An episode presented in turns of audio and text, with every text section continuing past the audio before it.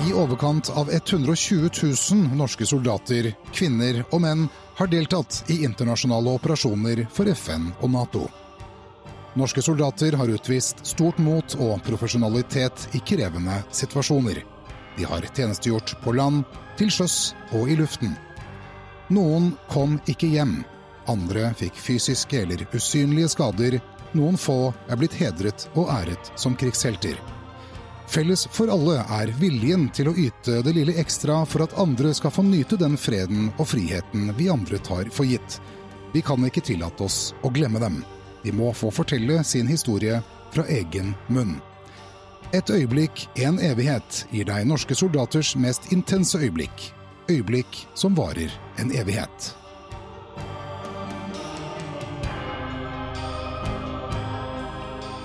Vi har ild 360 grader og så er det ikke bare å hoppe i bilen og kjøre av gårde igjen. Da må ha litt eh, is i magen og ta den kampen han står i, og, og legge en plan- på hvordan man skal ta den veien videre.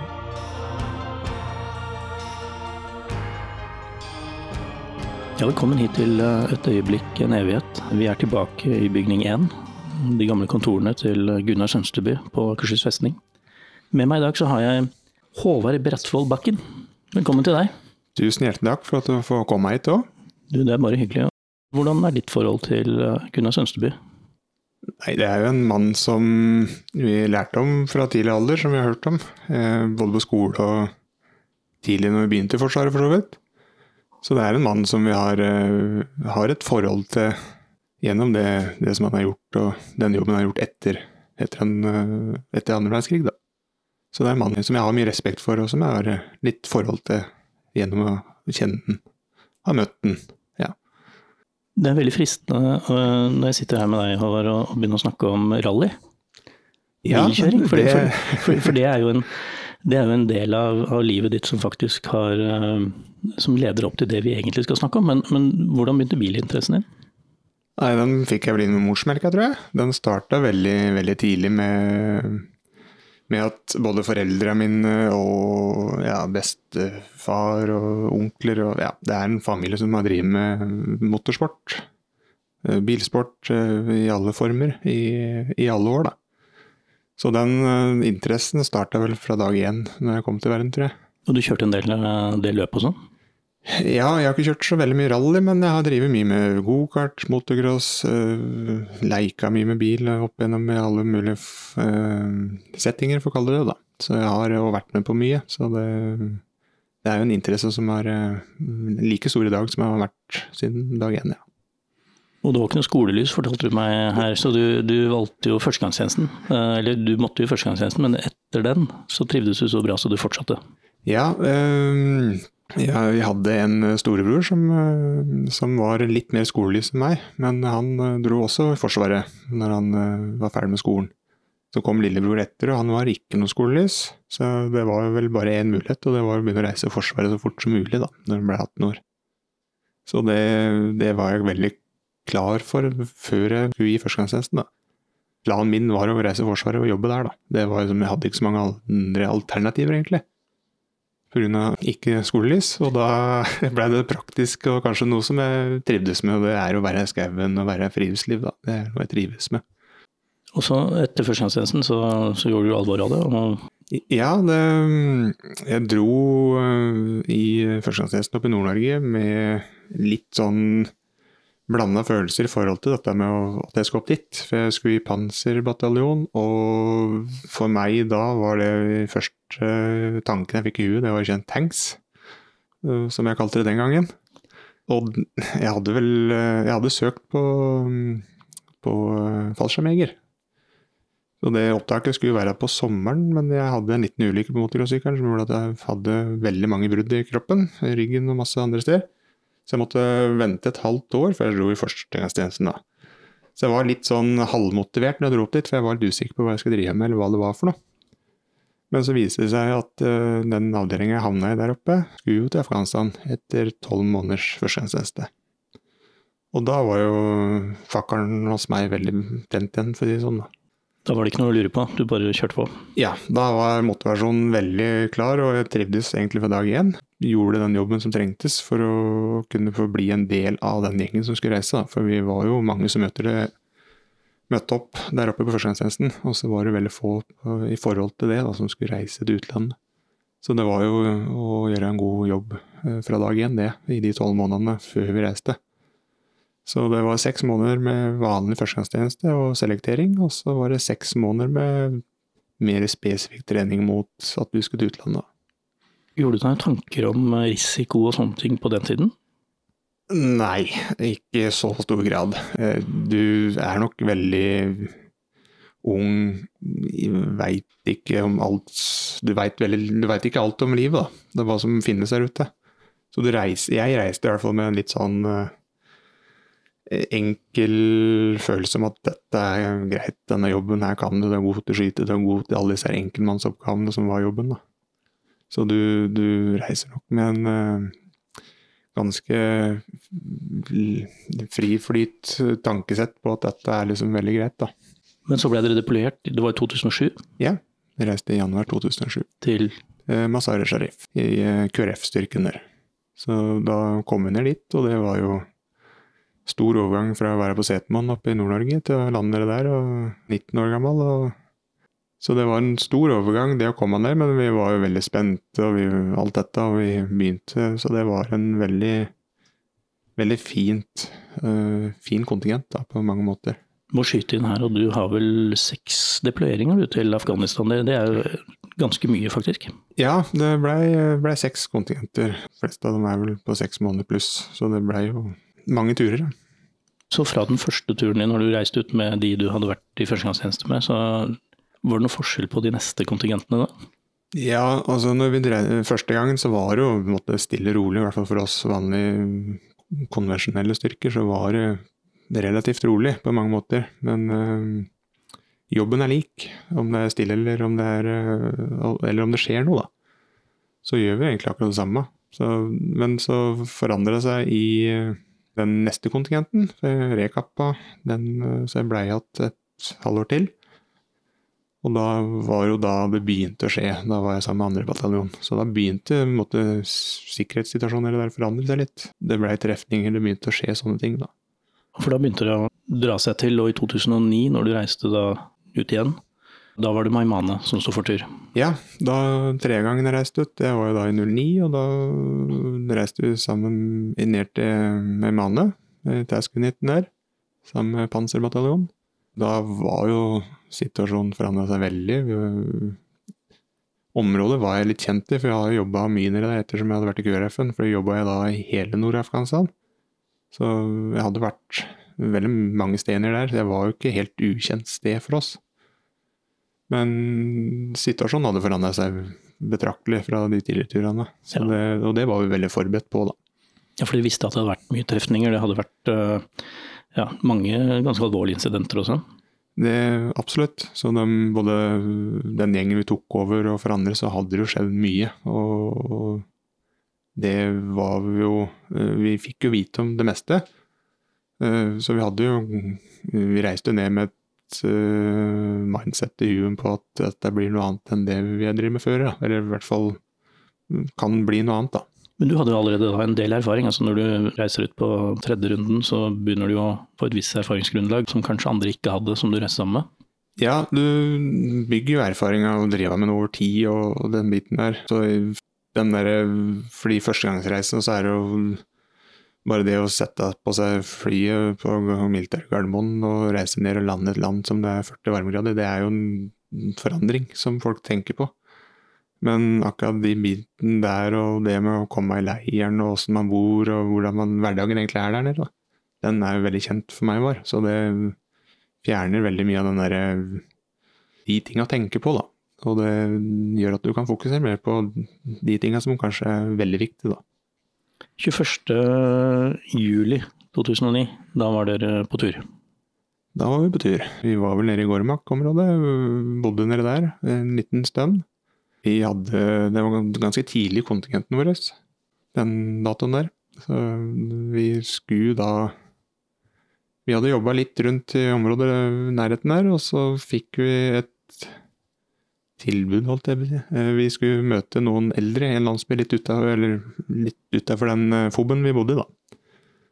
Så vi eh, reiste dit for å skulle møte dem. Det var Vi reiste jo til på morgenen og pakker opp og gjør det som man normalt vi, vi gjør, da. Nærmer oss denne landsbyen som vi skulle, skulle møte noen folk i, da. Eldre, lokale afghanere. Idet vi nærmer oss, egentlig, så da er eh, Vi, er, vi veit jo hvor enn vi er, og vi har, skjønner at dette mest sannsynligvis kan bli en, en arbeidsdag, for å kalle det som vi kaller det, da. Før vi reiser. Men det smeller da akkurat idet vi begynner å stoppe bilene og skal nærme oss denne landsbyen egentlig litt til fots og sånne ting. da. Så da er eh, ja, startskuddet går. Bokstavelig talt. Eh, Men med en kraft som vi ble litt overraska over, egentlig, til å begynne med. Og terrenget der er såpass Dette ligger i et dalføre, sånn at ypperlig for et, eh, et angrep på en vind, da. Som det er oss. Så vi sliter eh, i det, innerskjelt i den fasen, så har vi i, veldig lite folk og guns som fungerer, rett og slett. da. På grunn av den dalen vi står i, og blir beskutt fra landsbyen, vi blir eh, høydedrag på alle kanter. Så det gjør at vi mm, sitter her med fotfolk og får eh, dem opp på høydedrag og sånne ting. En vanvittig jobb som er gjort der. Så vi begynner å jobbe til fots i, i dette terrenget. da.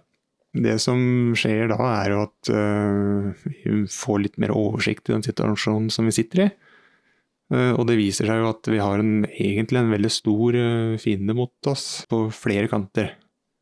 Igjen så har vi biler som vi ikke eh, får fram. Vi kjører mye IVK. Tunge biler, men veldig bra biler. Men de er for tunge og for bratt terreng. Er eh, vi, vi får dem ikke fram. Altså, vi får ikke fram våpnene deres. Men det som er at eh, jeg kjørte da en god gammel Gellenwagen Multi. Og det er litt pga. forrige oppdraget jeg var på, så kjørte jeg motorhavare på min IVK. Så det hadde ikke noen annen bil å ta med ut, så det gjorde at eh, jeg kjørte rundt i en sånn en upansra Multi. Og det Grunnen til at vi gjorde det på den måten, er at eh, den har en fremkommelighet som er veldig stor. Hvis du bruker den riktig, så du, kan du egentlig kjøre stort sett utover vei eh, og, følge den TU-kolonna som vi er i. alt det, så. Så den, eh, da blir den bilen min litt sånn der løs kanon som flyr litt i flankene på hele gjengen. sånn at, eh, For jeg holder meg unna veier pga. ID-trusler og fremkommelighet som gjør at jeg kan eh, få at vi, vi på bilen har et øye litt videre ut, da. På høyder og sånne ting. Så, det, så jeg sitter i denne multien som, som jeg har kjørt i mange år, og som jeg kjenner godt. Så innerskjelt da, så får vi disse um, fotfolka opp på høydedrag. Vi eh, begynner å få litt oversikt, rett og slett, på hvor fiendene er hen. Og vi eh, har eh, en fiende som manøvrerer mot oss, og det er eh, ikke hver dag vi er møtt på. De tør å, å manøvrere mot oss. De skyter De har samme våpenoppsett som vi har. De har lette våpen, tunge våpen, RPG, altså alle disse våpensystemene som vi bruker, på en måte, bare i russisk form. De har eh, gode stillinger, de eh, bruker terrenget på en god måte, og de er veldig mange, finner vi ut etter hvert. Så vi mm, blir skytet på forhåndet, bakfra, sidene. Og det gjør jo utfordrende med å drive i sånn terreng som det, for det er ikke noen steiner eller busker å legge seg bak som gir beskyttelse i rumpa. Det er eh, det, det blir en, eh, en veldig utfordrende eh, i forhold til enkeltmannsteknikk og det med å drive med strid, da. Så når dette begynner innerskjelt begynner å roe seg litt, så sitter jeg i denne bilen. Jeg har kun han som er topcover på bilen, som er igjen. Og følger med på, på sambandet og ser på kart. Prøver liksom å, for å få med situasjonen og skjønne hva som skjer. Og snakke med noen som er i laget mitt, og høre på resten av troppen. For å rett og slett klare å lese av situasjonen og forstå hva som skjer, og få litt sånn overordna situasjonsforståelse, rett og slett. da. Og etter jeg, jeg vet ikke hvor lang tid det går, men eh, klart, det er begrensa hvor mye ammunisjon eh, du klarer å trykke med deg på en MG, MG3 eller en RFK eller en FN Mag eller på en 416. Det er begrensa hvor mye ammunisjon du klarer å bære med deg rundt i terrenget og skal drive og stride. da. Etter en stund så begynner vi liksom å få, få meldinger om at de begynner liksom å bli lite ammunisjon igjen på de som er ute til fots. Sånn at de må begynne å tenke litt på det, da. Og da hadde jeg sittet og fulgt med lenge på kartet, begynt å se mulighetene, for det var ingen biler som vi klarte å få fram med noe tyngre våpen på. Eller etterforsyning i forhold til å støtte opp uh, med biler, da. Så jeg har sondert dette gode, gamle russiske karta som vi har tilgang på, litt sånn flyfotoer og mye ting vi har, og så mener jeg oppi huet mitt at jeg har en liten plan på hvordan jeg, jeg kan eventuelt hjelpe til. da. Få min bil og den våpenstasjonen nær til å kunne bli med i striden. Og da skal ikke legge skjul på, jeg hadde lyst til å fram litt sjøl. Du, du, blir jo litt sånn at du har lyst til å være med der hvor ting skjer, men for å støtte og hjelpe, da. Så mye sondering på kart, litt fram og tilbake på samband med dagfører, troppssjef og sånne ting. Det fine med den multien, der har du en 12-7, du har to MG3-er som er våpenplattform, så du har en tung våpenstasjon der. Pluss all den ammunisjonen som vi har i tillegg, som vi kan eh, eventuelt gi ut. da. For vi skjønte jo at dette her kom til å ta litt tid. Det er ikke bare å begynne å trekke tilbake igjen. For når vi har eh, ild eh, 360 grader på oss, så er det ikke bare å hoppe i bilen og kjøre av gårde igjen. For det, du ja, da må ha litt uh, is i magen og ta den kampen han står i, og, og legge en plan, plan, på hvordan man skal ta den veien videre. Så da um, mener jeg at jeg har en god kjørerute, eller noe som jeg mener at jeg kanskje kan komme meg frem på. Jeg sier til han som er oppe på tårnet i denne bilen vi sitter i, at uh, få på deg hjelmen, og så skal vi prøve å komme oss fram til gutta våre. Og han er en ganske traust bergenser, men han er veldig svær, et par meter høy, og, men veldig sånn rolig traust. Så han, eh, ja, hvis du mener det, så stoler jeg på deg, for at det var første turen hans i dette.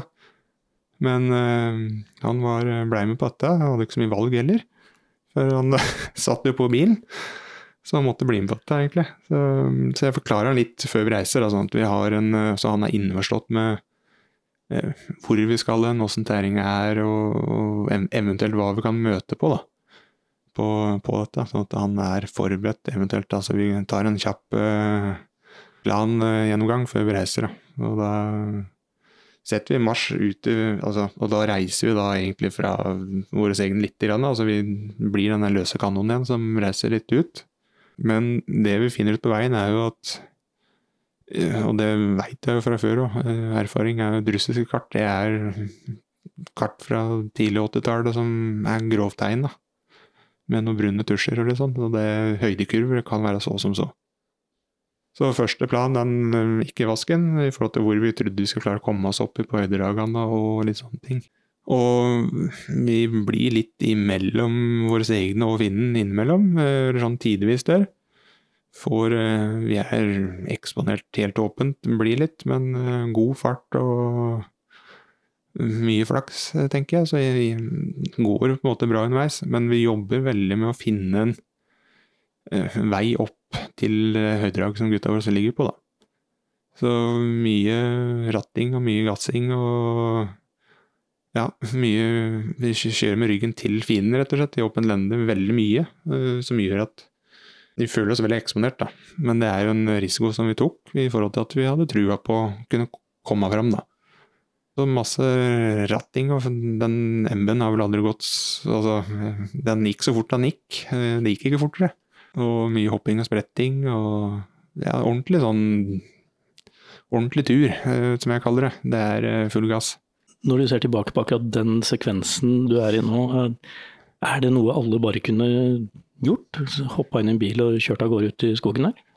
Nei, for det, det, har noe med bruken av Altså for, i forhold til vekt av bil når du driver i terrenget sånn. Eh, sperrer, bruk av det å sperre en bakskjellende sidehelling. Eh, tørre å bruke bil mer enn det du lærer på MB-kurs i Norge, da. Det handler om å, å, rett og slett piske bilen litt, da. Og, og håpe at han tåler det. Så, men øh, en MB den tåler mye, den. Men dere kom jo fram etter hvert. Ja da, vi kom oss, fant en, opp en vei på dette høydedraget som gjør at vi akkurat egentlig det er på nippet til at vi nesten begynner å revurdere dette når vi kommer opp, men vi klarte det til slutt. Og det er ganske spisst høydedrag, sånn at vi Jeg er jo halvredd for å hvelve ned på dette her på, når vi kjører bortover, da, for vi kjører jo helt eksponert opp av dette draget mot gutta våre. Og det er ingen mulighet til å få denne bilen i skjul. Var dere under uh, ild akkurat da? Ja da, da var vi under ild, da. Både fotfolk og den uh, singel-MB-en som farta rundt i landskapet her. Så, men vi kommer oss bort, parkerer bilen på det ene stedet som det går an å få parkert, egentlig, og der står den på en fin utstilling på et høydedrag, da. Ikke verken skjul eller eh, Det var bare en fin klump skyteskive som står der, egentlig. Og han uh, toppcoveren som er på bilen, han begynner jo å fungere med en gang, og gjør det han skal gjøre. Og de uh, fotgubsa som Altså, kompisene som ligger der, de er jo veldig fornøyd. Få med seg noe våpen, få mer ammunisjon det å den, den trygghet med at den bilen kommer, egentlig, da, for mange av dem som er der. Både med samband og mange ting som gjør at striden kan bli litt lettere. Eller det gjør oss uh, litt mer robust da, for den gjengen som ligger oppå der. Så jeg hopper ut av bilen, for jeg skjønner at dette bare er en skyteskive som står på utstilling der. Så jeg hopper ut og begynner egentlig da å jobbe med det som måtte er litt jobben min, og det er å være en fotsoldat. Troppssjefen han ligger i bakkant der med av denne høydraget med et svært kart som uh, ligger bretta ut. Og han prøver å ha kontroll på dette her, og... men da er det fly bort til han og legger oss ned der. og Kule krutt uh, kommer over, og så er det første han spør om, det er å kunne få oss om jeg hadde snus. For de hadde jo Han hadde løpt ut av bilen, hadde glemt snusboksen sin. Og da var liksom det første og det viktigste for han var tydeligvis å få snus. da. Så selvfølgelig hadde jeg snus, for eh, det har jeg alltid nok av når jeg er ute sånn. så jeg fikk snus, og så to minutter pause med det, og så begynte vi å snakke litt. da, da han, eh, Vi måtte jo begynne å finne en plan på hvordan vi skulle løse dette videre. For vi begynte jo å få eh, å ta opp noe samband fra Finn og sånne ting om at det kom forsterkninger for dem. Så vi uh, må begynne å rett og slett uh, gjøre noe, vi òg. Vi må begynne å manøvrere litt mer, vi òg. Vi, uh, men vi er jo en stor gjeng i totalt sett som er på tur. sånn at vi, det er ikke bare å kaste på seg sekkene og løpe en retning og kaste røyk. Det er ikke så enkelt. Men vi får en fly, så vi får litt mer kontroll på situasjonen fra lufta ned. Og da bekrefter jo det at det er mange, mange fiender i terrenget her og lastebiler med forsterkninger. og det, altså Vi begynner å skjønne stort at uh, dette er ikke noe Det er ikke fem stykker som ligger og skyter på oss, det er veldig mange. Så vi um, fortsetter striden på den måten som vi gjør, og alle gjør en vanvittig innsats akkurat de timene vi ligger oppe der. Ja, Hvor lang tid tok det egentlig, dette her? Nei, jeg husker ikke. Det begynner å bli noen år siden. Men jeg tror eh, vi brukte en god arbeidsdag, som jeg kaller det. Og da er vi totalt hele incidenten er vel en tolvtimersdag, tenker jeg. Sånn tett oppunder før vi avslutta den, da. Så vi var oppe på den eh, høyden, høydedraget veldig mange timer. Det blei det. Så vi får inn det flyet og får litt oversikt. Vi får utarbeidet en plan på hvordan vi skal best mulig trekke oss tilbake igjen ut ifra dette. Vi, ved med hjelp av fly og andre styrker, så legger vi rettene Vi gjør en god tilbaketrekning, da, som jeg kaller det. God tilbaketrekning i stor skala, da, rett og slett. Du hadde jo en rolle som egentlig ikke var å være vognfører eller bilkjører, du var jo egentlig skarpskytter?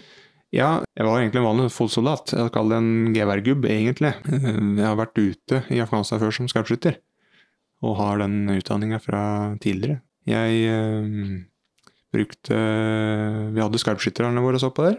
Han ene han var jo spotter for en annen skarpskytter, så våpenet hans var ledig, så jeg lånte det. Det er et våpen som jeg kjenner godt. Det er jo bedre å bruke det enn bruke noe 416 med en rødpunkt på. Så jeg brukte det våpenet øh, veldig mye den dagen. Det er jo den allsidigheten som ligger hos veldig mange norske soldater. Det er at vi, vi, kan bruke på kryss og tvers alle våpensystemene som vi har med oss ut. Enhver soldat skal kunne håndtere de våpnene vi har, og det, det gjør jo veldig Da fyller vi hverandre veldig godt uansett, for det er ikke alltid en plan der det funker alltid. Men dere klarte å trekke dere ut, avslutte trefningen.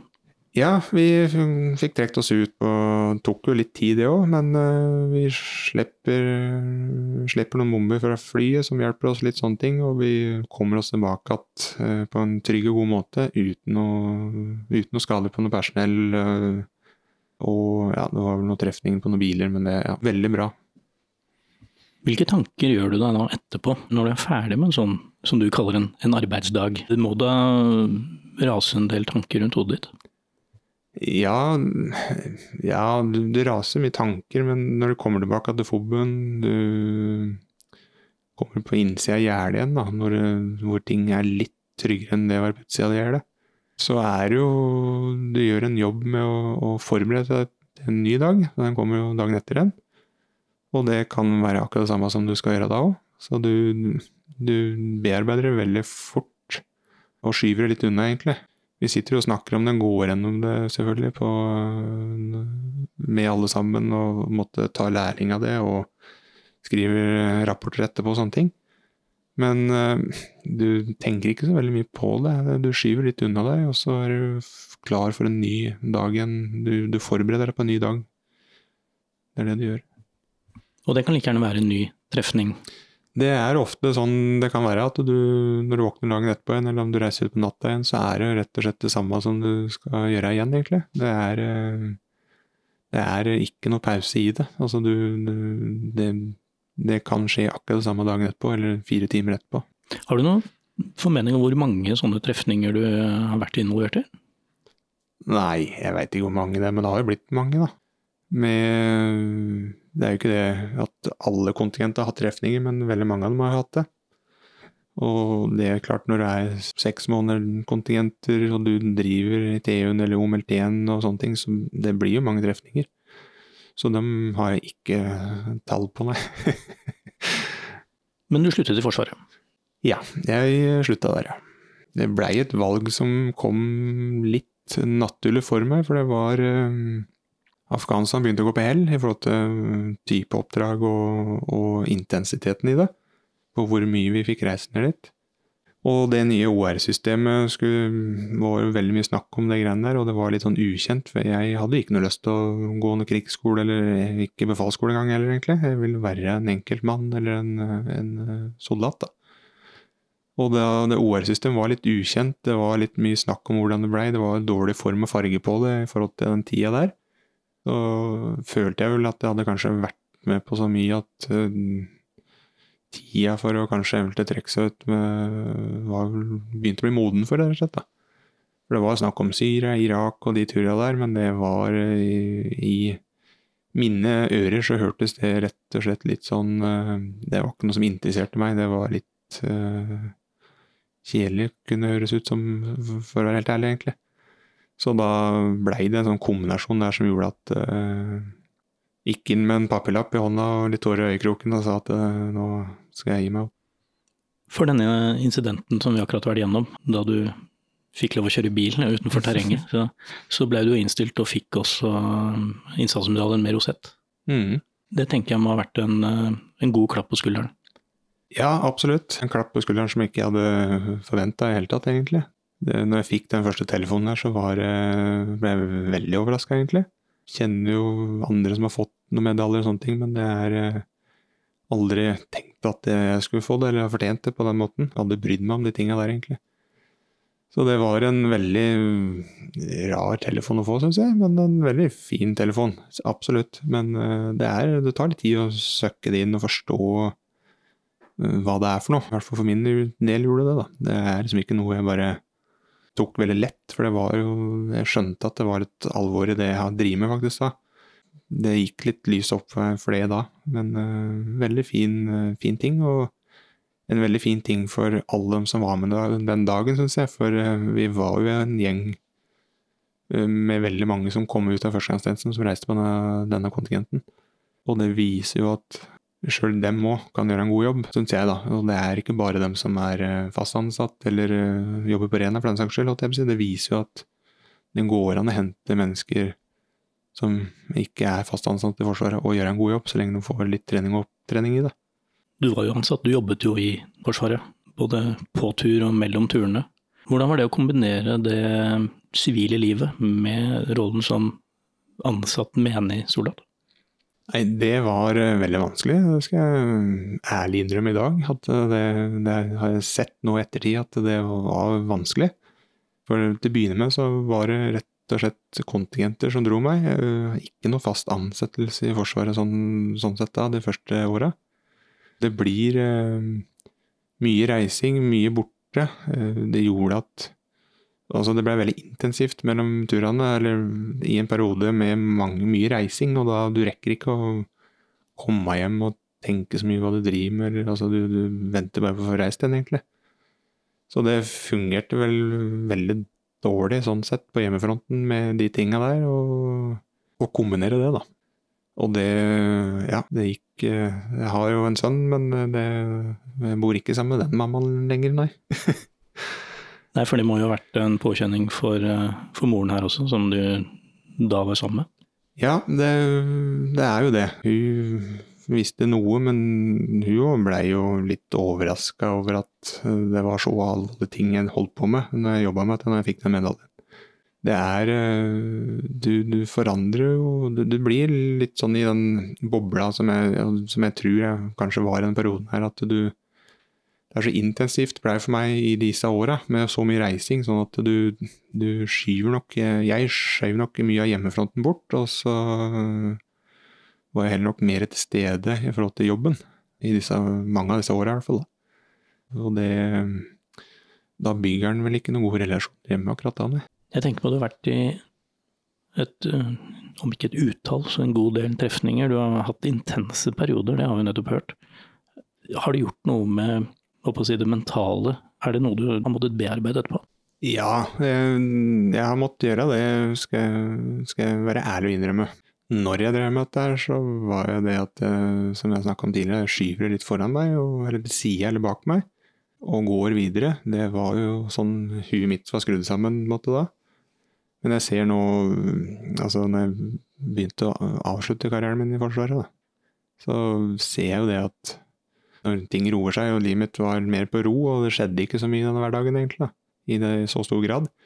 Så går nå og tenker, og du, du, får ting på avstand. Du, du, skjønner mer hva du har vært med på, hva du har jobba med, hva du savner, øh, ikke minst. Så jeg brukte god tid øh, etter slutta til å bearbeide og øh, snakke med noen og få altså, litt eh, ja, hjelp, rett og slett, til å sette ting litt i perspektiv og putte tanker rekt i bokser og få det litt sånn på avstand og kunne ha det, ha det fint. Fortsette å ha det fint, da. Under incidentene og sånn, så må du jo ha kjent på en frykt og redd og alle de følelsene der? Der skal jeg svare nei. Frykt det har jeg vel egentlig aldri helt kjent på, den store frykten for mitt eget liv, eller eh, jeg har vel kjent større frykt overfor andre, egentlig. Medsoldater, da. Så for meg sjøl så har jeg aldri tenkt noe stor grad på det. Når en ting pågår, så, så har jeg aldri tenkt da tenker den veldig enkelt og rasjonelt, i hvert fall for min del. Men uh, det har vært uh, mer jobb og utfordrende eventuelt etterpå, eller etter kanskje avslutta i Forsvaret, da. Det, det har vært uh, mer jobb og utfordrende, syns jeg, da. Hvilken tanke gjør det deg om den andre siden? Altså i denne incidenten vi har vært gjennom nå, hvor du, dere ble angrepet av, eh, av til dels store styrker, og så måtte dere jo slå de ned? Det er, eh, det er som jeg sier, jeg har respekt for dem som jeg har møtt ute i felten, for å kalle det på andre sida. Jeg har respekt for dem, men eh, det er ikke alltid jeg forstår dem. Men er, vi nordmenn har vært veldig flinke til å være gode mennesker, synes jeg.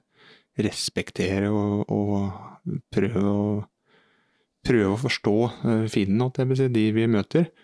På hvorfor de gjør det og, og sånne ting. Og så i større grad forstå rett og slett uh, hvorfor de gjør det de gjør, da. Så jeg har hatt veldig respekt uh, overfor den fienden jeg har møtt, alle ganger egentlig. Og sitter på andre sida av bordet med fienden har gjort. Du, du, må prøve å sette deg inn i hvorfor de gjør det de gjør. Og det har vært eh, Det er vanskelig for en som ikke har vært der, kanskje til å skjønne det alltid, og det er vanskelig for dem som har vært der å skjønne det noen ganger òg. Men eh, det er eh, det, det, blir jo som Norge i 1940-45. Vi, vi, må jo Vi gjorde på en måte tilsvarende ting, for kaller kalle det det. da. Vi må prøve å se litt historisk sett i hvordan man utføre en uh, ukonvensjonell krig som uh, fiender i Afghanistan egentlig har gjort mot oss. Da, det, det, da må man uh, litt historie, forstå seg litt, sette seg litt inn i det for å klare å forstå rett og slett det fienden som man møter. For det er fienden, du, du er nødt til å, å ta det ut? Ja, det, det, er jo to valg. Enten tar du dem ut, eller så tar de deg ut. Det er jo så enkelt er det når man har et våpen i hånda og driver med det som vi driver med der nede. Så det, du, du vil jo som sagt hjem igjen. Så da er alternativet ganske enkle, sånn at du, du gjør den jobben som du må gjøre for å komme hjem igjen. Nå har du vært ute av Forsvaret en stund, og du, du er jo det vi kaller en veteran.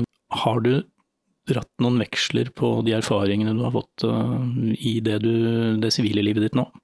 Ja, masse, syns jeg. Den dagen jeg slutta i Forsvaret, så fikk altså det med da, igjen, eh, ikke skolelyset, men jeg skulle prøve å finne meg en jobb i det sivile verden. Da er det Det gikk litt lettere denne gangen, etter jeg slutta i Forsvaret, enn før Forsvaret. Ikke det at jeg hadde noen formell utdannelse, men jeg har eh, mye fine, bra papirer som viser at jeg er i hvert fall en arbeidskar. Eh, så jeg kan det stoles på. Jeg kommer på jobb og er der så lenge jeg må. Så de tinga har jeg jo selvfølgelig fått betalt for etterpå i, i den sivile delen. Eh, og så er det selvfølgelig masse i forhold til huet, i forhold til den mentale biten som man kan ta med seg eh, i hverdag, i jobb, venner. Eh, du har en veldig stor kapasitet oppi huet nå som, i forhold til den menneskelige biten, som jeg kaller det. da. Som jeg masse bruker egentlig hver dag, smått og stort, i veldig stor grad. Så hvis du hadde truffet 19 eh, år gamle Håvard i dag, ville du sagt uh, for all del ikke gå inn i Forsvaret, eller ville du sagt at dette har du godt av?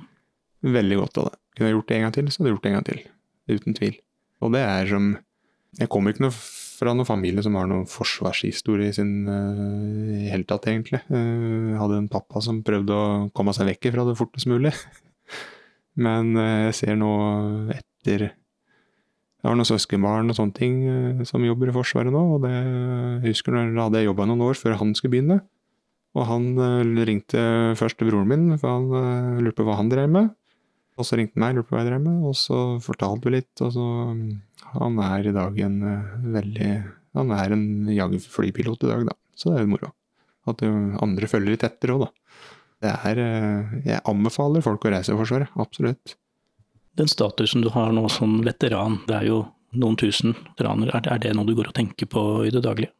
Ikke veldig mye. Jeg har ikke gjort det tidligere etter jeg sluttet i Forsvaret. Det, det, har nok tatt litt tid for meg å bearbeide mye av det jeg holdt på med, men å måtte kalle det bli komfortabel med det i det sivile livet overfor andre da, som ikke kjenner til dette. Men eh, jeg aksepterer nok mye mer i større grad at jeg er en veteran og er litt mer stolt av det i dag enn jeg var for eh, fem år siden, holdt jeg vil si. Overfor mennesker som aldri har vært i Forsvaret, da. Og det, er, og det jobbes jo veldig godt blant organisasjoner om dette, å få det litt mer belyst og sånne ting, og det syns jeg er veldig bra. For det er For mange så er det mye god hjelp i at dette kommer ut og blir litt mer jeg sier for noe, at folk vet litt, befolkninga veit mer om det. Hva, hva, vi gjør ved å være ansatt i Forsvaret. Da. Og den veteranbiten er en veldig viktig del å få ut, syns jeg. da. Og det er Ja, han skal være stolt av det. Og de som er det, skal være stolt av det. Det er en viktig jobb. I, I det store så er det en veldig viktig jobb.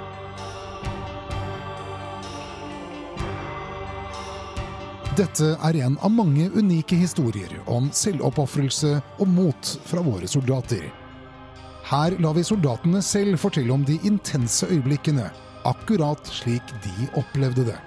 Historier som rett og slett er blitt et øyeblikk, en evighet.